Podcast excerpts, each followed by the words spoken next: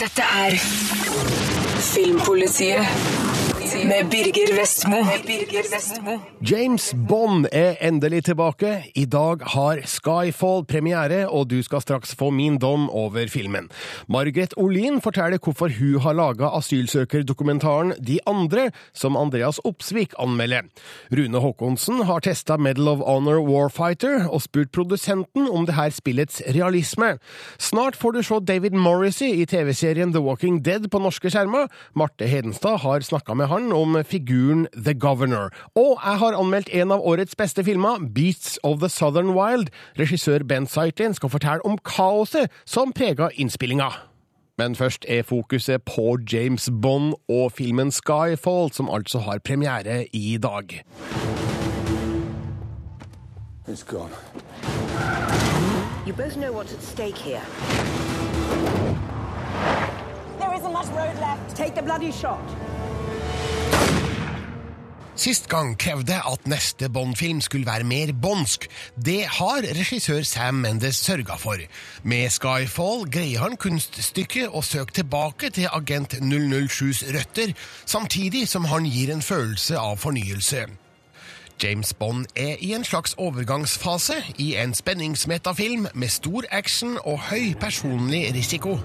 Three months ago, you lost the drive containing the identity of every agent embedded in terrorist organizations across the globe. Noen lekker identitetene til britiske MI6-agenter, og James Bond, spilt av Daniel Craig, går etter synderen. Jakten tar han bl.a. til Istanbul, Shanghai og Macao, og leder han til Silva, spilt av Javier Bardem, en tidligere MI6-agent med personlige motiver bak sine handlinger, retta mot Bonds sjef M, spilt av Judy Dench. Som vanlig dundrer Bond-maskineriet i gang før tittelsekvensen. Her er bånd i hælene på leiemorderen Patrice, spilt av svenske Ola Rapaz, og byr på hardtslående action i fartsfylte omgivelser. Det er bare litt synd at det her òg er filmens beste actionsekvens. Ingenting av det vi ser seinere i filmen, slår åpninga.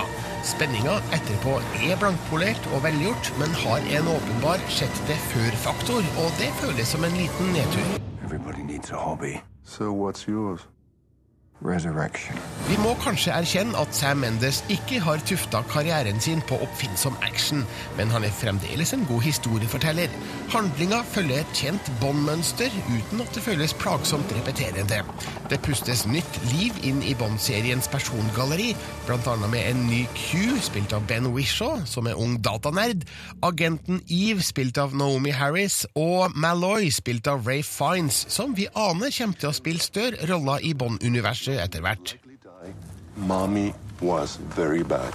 Javier Bardem er effektiv som skurken Silva, som plasserer seg ca. midt på ondskapsskalaen, men høyt på flashiness-barometeret. En morsom skurk. Daniel Craig viderefører Bond som et steinansikt med isblå øyne. Ingen særlig utvikling, altså, men fremdeles en tøff helt for det 21. århundre. Be careful what you wish for. Mr. Bond. James Bond. Skyfall er aller best når Bond beveger seg i kjente elementer, dvs. Si eksotiske omgivelser. Hjem i London virker Bond nesten litt malplassert, som en figur i en britisk gangsterfilm, og når vi får avslørt hva Skyfall egentlig er, er Bond virkelig ut på vidda. Men også der har filmen sine underholdende øyeblikk av eksplosiv agentaction, og når rulleteksten lover at James Bond kommer tilbake, har jeg ingen problemer med å glede meg til det. Dette er Filmpolitiet på P3. Du kan lese, se og høre denne anmeldelsen om igjen på p3.no slash filmpolitiet. Der kan du òg kommentere den. Eh, En del har allerede gjort det, og syns jeg er litt streng med mitt terningkast fire.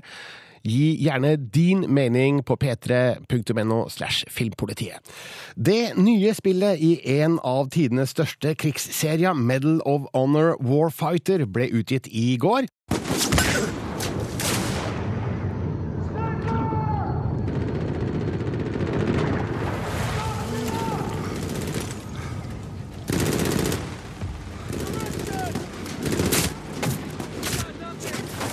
Her er det 14. spillet i rekka, eh, nummer to om du teller fra forrige spill, som bare het Medal of Honor og var en reboot av serien.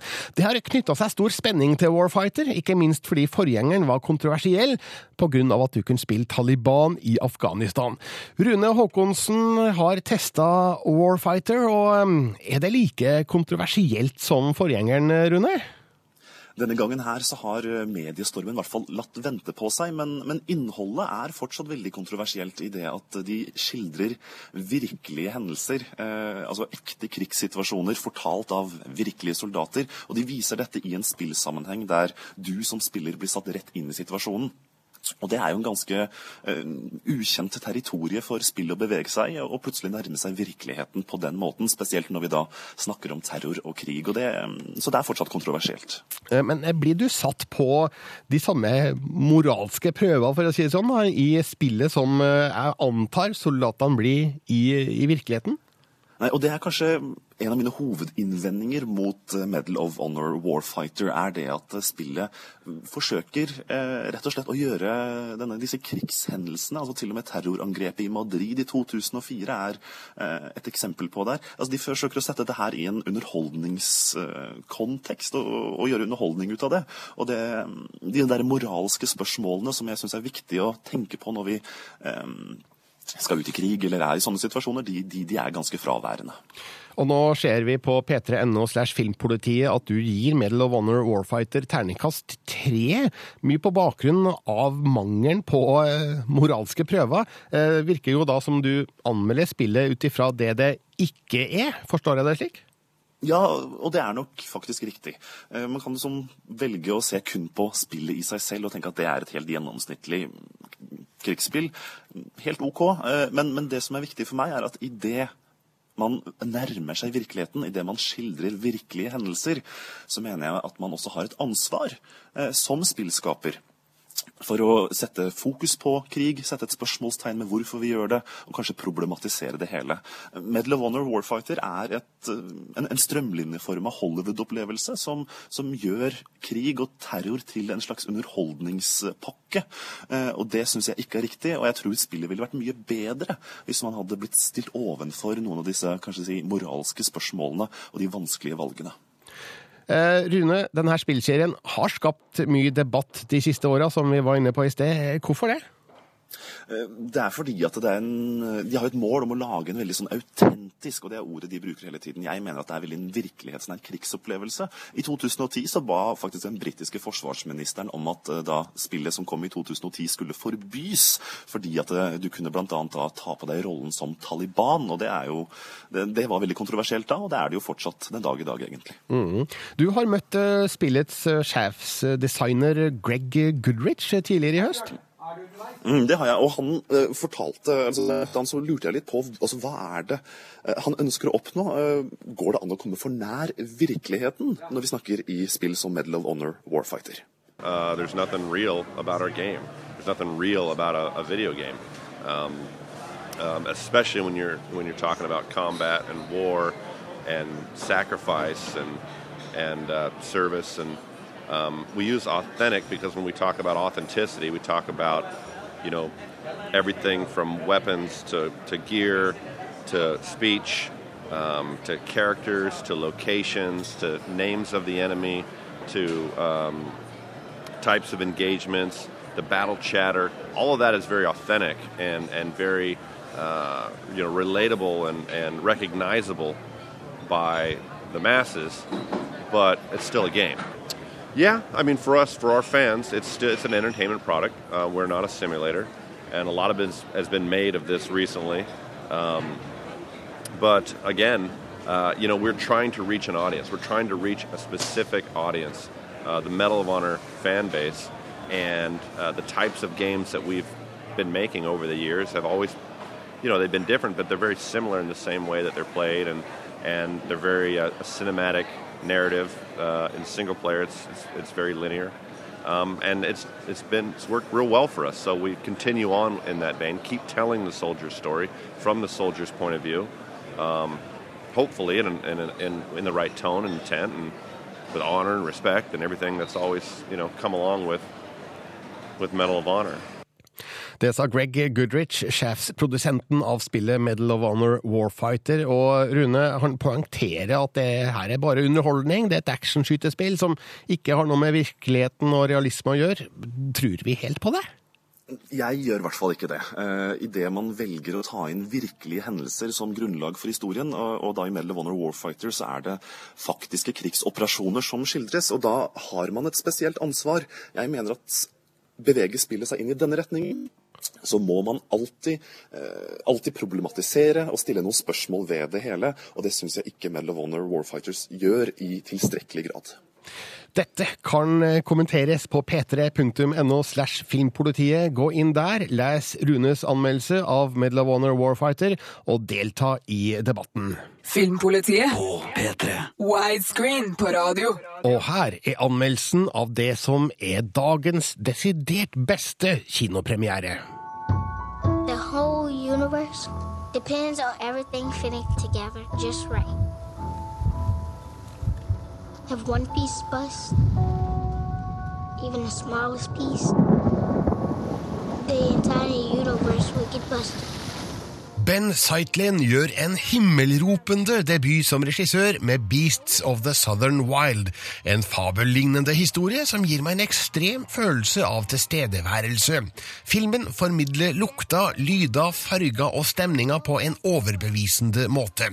Og den blender meg med en helt fantastisk rolletolkning av fem år gamle Kuenshani Wallis, som òg debuterer. Jeg har knapt sett maken til prestasjon av et barn på film. Beasts of The Southern Wild er magisk, fortryllende og bevegende. Ikke verst av nybegynnere. I see that I'm a little piece of a big, big universe. Historien finner sted på ei lita øy på kysten av Louisiana, der den lille jenta Hush Puppy, spilt av Quenchony Wallis, bor i ei rønne. Faren Wink, spilt av Dwight Henry, bor i rønna ved sida av. Når faren viser tydelige tegn på sykdom, samtidig som den store stormen og farlige uroksa er på vei, tror Hush Puppy at hun er årsaken til at verden skal gå under, og hun må sjøl finne motet til å møte utfordringene som venter. Most of the time, they probably be saying, I'm hungry, I gotta poop. But sometimes they be talking in codes. Mye av årsaken til at filmen fungerer så godt, er at Ben Zeitlin og medforfatter Lucy Alibar forteller historien på den lille jentas premisser. Vi ser hele tida handlinga utfolde seg fra hennes synsvinkel, med et barns fantasifulle innlevelse. Hushpuppy aner virkeligheten som en blanding av fakta og fiksjon, og tolker situasjonene ut ifra sine evner. Filmen setter seg inn i hennes opplevelse av begivenhetene, og tolker et utsatt barnesinn på strålende vis. Back when Daddy used to talk about Mama, he said she was so pretty she never even had to turn on the stove. Jeg så Beasts of the Southern Wild på Cannes-festivalen i mai, og har rett og slett ikke greid å glemme den. Ved andregangspåsyn forstår jeg hvorfor. Det her er en fantastisk film med tidløse kvaliteter, et drømmende uttrykk, en sterk historie om tilhørighet og en utrolig innsats av filmens lille hovedrolleinnehaver. Jeg bruker store ord, men jeg kan love deg at Beasts of the Southern Wild er verdt all sammen. In a million years, when kids go to school, they're gonna know. Once there was a hush puppy, and she lived with her daddy in the bathtub.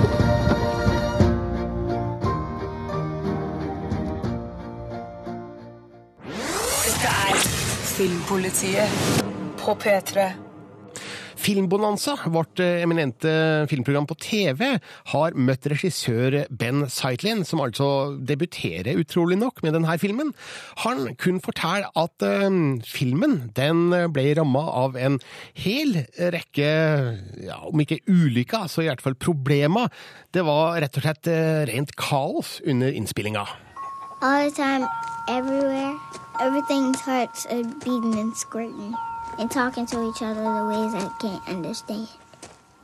you, you get this sort of improvisational feel to the film itself because everything is going wrong all the time. You know, so you you make a plan and you write very meticulously and you storyboard every shot, but then you get to set and you know the current is moving in the opposite direction you thought and you know there's children who have accidentally run into something and they've got a nosebleed and they can't go on. And there's a shot in the film where um, she's running away from a burning house. Um, and we had like, you know, I mean, we, we had pyrotechnics guys, but they were they were crazy people, um, and but they were you know they were licensed and everything, but they it was like this storm was coming in and the wind was like whipping around and a rain it was about to rain and so we knew we had one like basically one chance to do this um, and we had no time to really design the shot or you know practice or rehearse the shot or anything like that It was, so i just remember you know our my cinema, cinematographer ben richardson held the camera backwards and he's like i'm just going to lock my wrist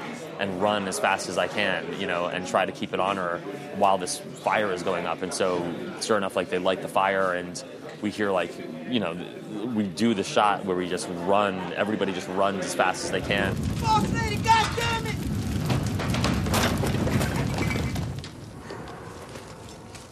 And the wind changes direction and blows the fire back into the house, and these guys are like you know, screaming like "shut it down, shut it down," and we turn off the fire, and, and that was like the only take that we got. And uh, one of the actors pulled a muscle, and we couldn't get the shot again. I just assumed we didn't have it. And then sure, the dailies come up, and it's perfect. You know, it's like you set all this stuff in motion, and once in a while, you just get this crazy image where uh, you can tell that. Uh, I mean, you can feel the panic in the shot that sort of chaos to me uh, speaks to the story and speaks to the character that she's living in this state of chaos and um, we wanted the film to be infused with sort of like the the sweat and, and the energy that it takes to kind of conquer real life adventures, you know.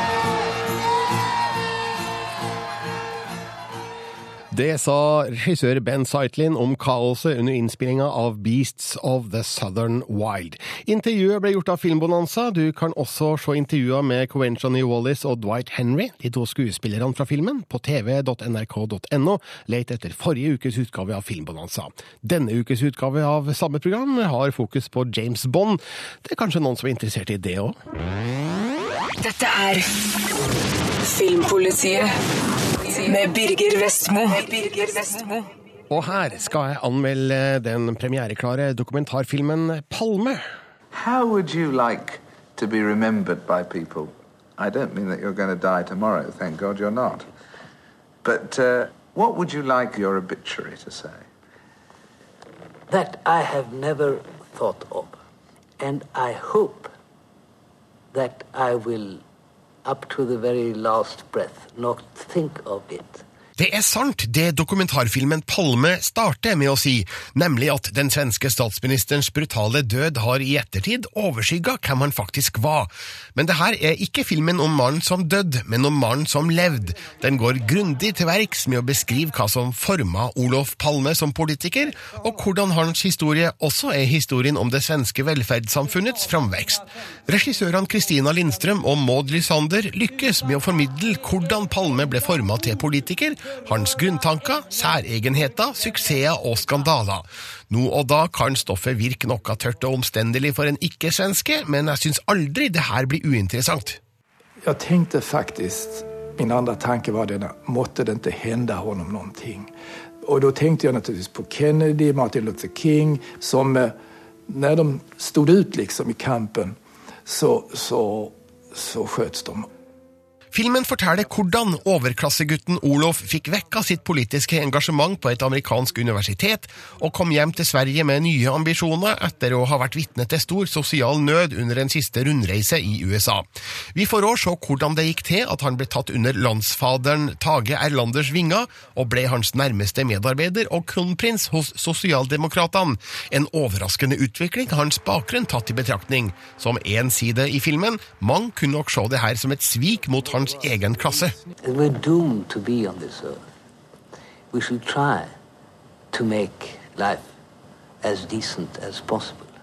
Palmes liv og karriere er ikke overraskende godt dokumentert i både lyd og bilder, og Lindstrøm, Lysander og deres tre klippere har greid å sy sammen et helhetlig bilde av alt råmaterialet.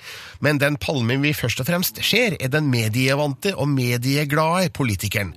Privatmannen møter vi i noen få Super 8-sekvenser og gjennom intervjuer med hans kone og sønner, men her er filmen mindre fokusert. Kanskje er det heller ikke der vi finner de mest interessante problemstillingene rundt en mann som var stadig kontroversiell i sitt politiske liv. Olof Palme får komme på intervju hos statsministeren. Men er han virkelig en sosialdemokrat? undrer Tage Erlander. Det som gjør Palme til en interessant film, er ikke bare fortellinga om Olof Palme. Det her er samtidig historien om framveksten av det moderne Sverige, om de stadige forbedringene i sosiale kår og velstanden som skjøt fart på 1960- og 70-tallet. Det var Saab, Volvo, industri, lønnsvekst og etableringa av Folkhemmet. Det er nesten rart at ABBA ikke tas med i glansbildet, men Benny Andersson har i det minste laga den effektivt tidsrammeskapende filmmusikken. Nå skal jeg se Bombningen av Nordvietnam måste upphöra. Svenskene får se Palme i en lengre TV-versjon i tre deler til jul. Ikke all skildringa av hendelser og politiske strømninger gjennom Palmes karriere har like stor betydning her som de sikkert har over grensa, så kanskje hold det med kinoversjonen for oss nordmenn. Den er vellaga, godt redigert og har et rikt kildemateriale som gjør det her til et interessant dokument over en av Sveriges viktigste politikere i forrige århundre. Säg nu inte precis det som är riktigt och det du tycker, för då kan folk tycka synd om din motståndare.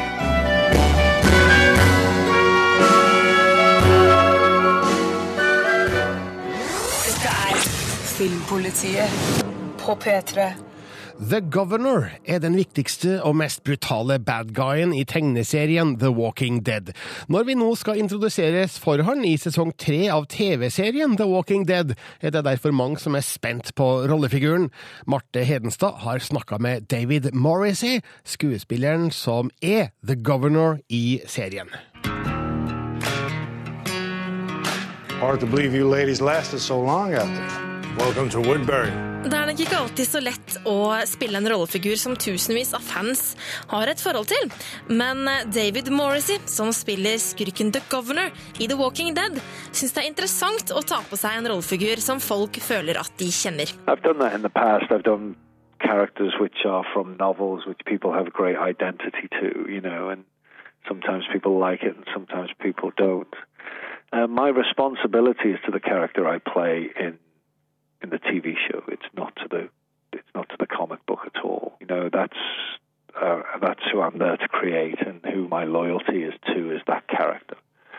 And I think fans might find it different. You know, they will definitely find it different, but uh, we'll have to wait and see about whether he grows into a character that they love as much as they love to hate the governor in the, in the comic book. Fra tegneserien er The Governor kjent som en nådeløs og ubarmhjertig mann med sansen for det brutale på grensen til det sadistiske. Det er derfor mange tegneserielesere som er spente på hvor rå TV-serieversjonen av figuren kommer til å være. David Morrissey mener at hans Governor er i tegneseriens ånd, men at hans rollefigur ikke bare er en ond mann. I think my governor is much more complex than that. I think what we do, you know, I, I read uh, a book that Robert wrote, Robert Kirkman, the creator of the uh, comic book. He wrote a book called uh, The Rise of the Governor. And that's a brilliant, brilliant book. And it's about my character, his life before, really, and his, his life in the early days of the crisis. And then we meet him in the comic book, and he's you know, he's really out there then. He's quite sadistic. He's very sort of, you know, damaged person. And I think my governor is the space in between those two people. The space in between the man who leaves the book, The Rise of the Governor, and the man we pick up in the uh, in the comic book. There's a whole history in between those two people, which I explore. David Morrissey og Andrew Lincoln, som spiller sheriff Rick Grimes i The Walking Dead, er gamle kompiser, og Morrissey har derfor fulgt med på TV-serien fra starten av. Og han er en stor fan av serien, og syns det er interessant å tenke på hva han selv hadde gjort om han havna i en postapokalyptisk verden full av zombier, der man må kjempe med nebb og klør for å overleve. That's explored in the show as well, in the sense what we would like to think of ourselves. We always would think of ourselves in a heroic way, I think. But actually, you don't know until it actually happens to you. You don't know how you would react in a crisis. And our spontaneous actions say more about us than our plans in a way. And it's very easy to be on the outside condemning those actions. But you don't know yourself until you're in there and it's you that's threatened. It's your children that are threatened. It's your wife that's threatened. You don't know how you would behave. And that's that's what's great about season three is we see the characters learning about themselves because they are in challenging situations.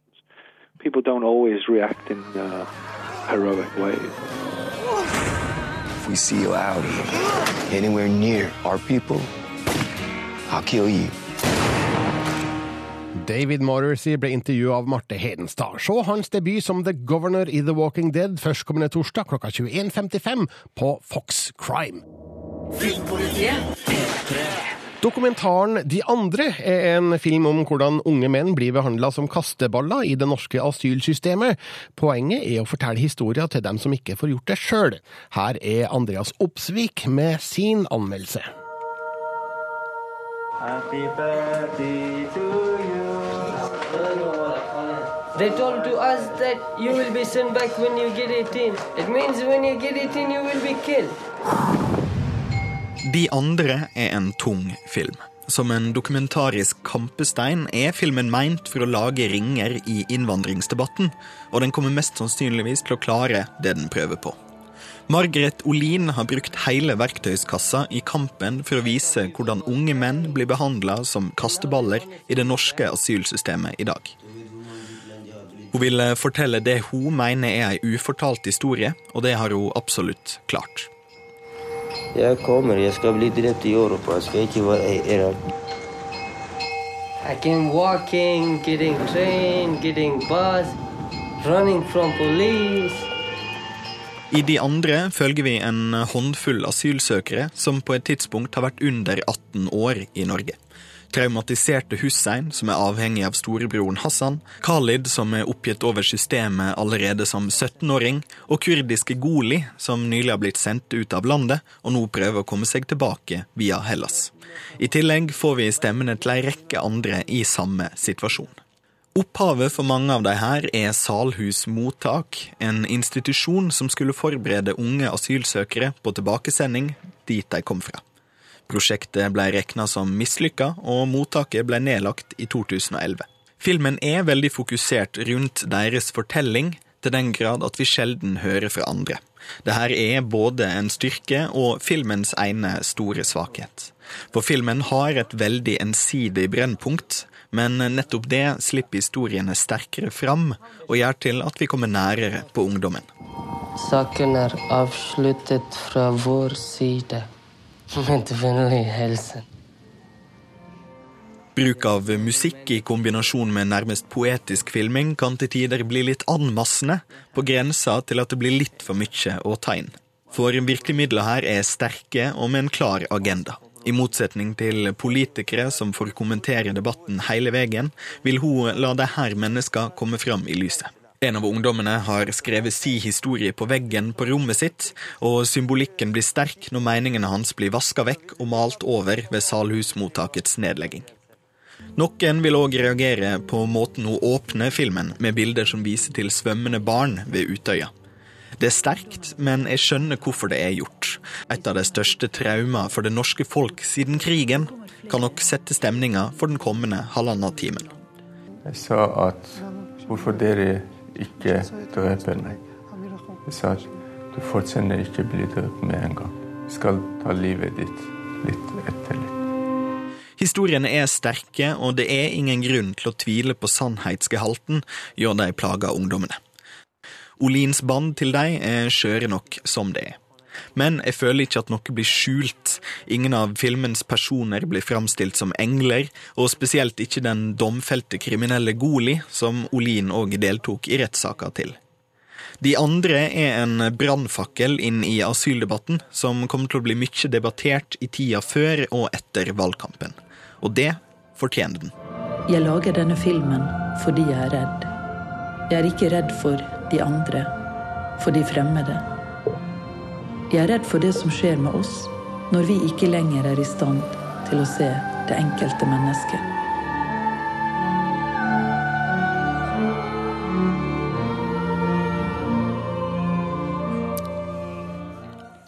Andreas Opsvik har trilla en femmer til de andre. Det kan du se og lese og høre mer om på p3.no slash filmpolitiet. Andreas har òg møtt regissør Margaret Olin, som straks forteller hvorfor hun har valgt å lage denne filmen. Jeg har laga denne filmen fordi at eh, jeg tenker det er eh, forhold i Norge eh, som er skjult for de fleste av oss. I dette tilfellet da hvordan enslige mindreårige asylsøkere har det. Deres livssituasjon. Jeg har fulgt denne gruppa lenge, helt tilbake til 2001, hvor jeg første gangen var inne i et mottak da for enslige mindreårige asylsøkere. Dette er jo da barn, altså under 18 år, som kommer alene eh, fra krigsherja land til Norge. De fleste ankomstene som kommer eh, nå, er fra Afghanistan, Irak, Somalia og Etiopia. De kommer uten foreldre og nære foresatte til våre grenser for å søke asyl. Eh, jeg har fulgt de da siden 2001. og det som jeg har vært opptatt av, er jo den manglende omsorgssituasjonen de som er mellom 15 og 18 år har. Eh, at de er i Norge, eh, eller når de er i Norge, og uavhengig om de skal bli her eller ikke, eh, så mens de da venter på svar på asyl, asylsøknaden sin, eller som de guttene i filmen min som venter på utsendelse når de blir 18 år, så har de bare et botilbud. De er ikke i en omsorgssituasjon. Og det er noe som uroer både meg og de som er i berøring med disse ungdommene, være seg mottaksansatte, verger, advokater, leger, psykiatriske sykepleiere i eh, lukka institusjoner som tar imot de som blir syke, psykologer, traumepsykologer. Ja, sånn at det er nok et ønske om å belyse hvordan noen veldig sårbare barn eh, som kommer til Norge uten foreldre og nære omsorgspersoner, hvordan de har det den tiden de er i Norge. Det er det denne filmen omhandler. Og hvem er det du først og fremst har lyst til å nå ut til med budskapet? Nei, altså eh, I 2009 så gjorde denne regjeringen eh, innstramningstiltak i asylpolitikken. Eh, det gjorde de med det målet å hindre at så mange grunnløse asylsøkere skal komme til grensene våre. Termen 'grunnløs asylsøker' er jo noe de da bruker, um, og så kan det på en måte høres fornuftig ut. Men grunnløs asylsøker er jo ikke en statisk størrelse. Det er jo noe som endrer seg over tid, alt etter hvor vanskelig det er å få opphold i Norge. Og da snakker man først og fremst om de som får opphold på humanitært grunnlag. Um, disse innstramningstiltakene, Et av disse tiltakene det var å gi ungdom midlertidig oppholdstillatelse. Det var noe som man da innførte fordi at ankomsten av enslige asylsøkende barn i 2008 og 2009 de gikk veldig opp. Og Det var først og fremst da ankomster av barn fra Afghanistan. Da innførte man dette tiltaket. Og det at jeg da visste hvor sårbar denne gruppen i utgangspunktet var, nettopp fordi de ikke mottar et omsorgstilbud når de er i Norge, men da i tillegg skulle på en måte da fratas håp med å få vite at du får være her til du blir 18, og så skal du sendes tilbake, da fikk jeg veldig stort behov for å gå ut og se på hvordan disse ungdommene lever med det. For å se om denne politikken er forsvarlig. Mm, og da kan du si at det, det er både at jeg ønsker å nå folk flest. Eh, og bringe en annen stemme inn i asyldebatten. Nemlig at nesten alltid når det er asylpolitikk som er på agendaen, så er det politikere eh, som uttaler seg om asylpolitikken. Som forsvarer den asylpolitikken vi har. Og de bruker å si at vi har en rettferdig asylpolitikk. Vi har en human og solidarisk asylpolitikk. Vi bryter ikke med barnekonvensjonen osv. Men det er ikke sant. Eh, men da må man gå til den andre enden, og så må man se på omkostningene av den politikken. Eh, og det å løfte ut disse stemmene Jeg ønsker å nå både, som sagt, da eh, folk flest. Men jeg ønsker også å nå politisk ledelse. Fordi at jeg tror ikke at de kan være bekjent av Eller de kan ikke være kjent med hvor store menneskelige omkostninger det har for så utsatte barn eh, å få midlertidige tillatelser. Altså det på toppen av det de bærer på å skulle leve med en tanke om at de skal sendes tilbake når de blir 18 år. Um, og jeg ønsker å bringe stemmen deres inn i offentligheten, sånn at eh, vi skal se på om dette er en politikk som kan videreføres eller ikke. Margaret Olin ble intervjua av Andreas Hatzel Opsvik. De andre har norgespremiere i dag, og du kan lese, se og høre anmeldelsen på p3.no filmpolitiet. Dette er Filmpolitiet med Birger Vestmo. Du hører nå en podkast fra NRK P3. Hent flere podkaster fra NRK på nettsiden nrk.no podkast. NRK P3.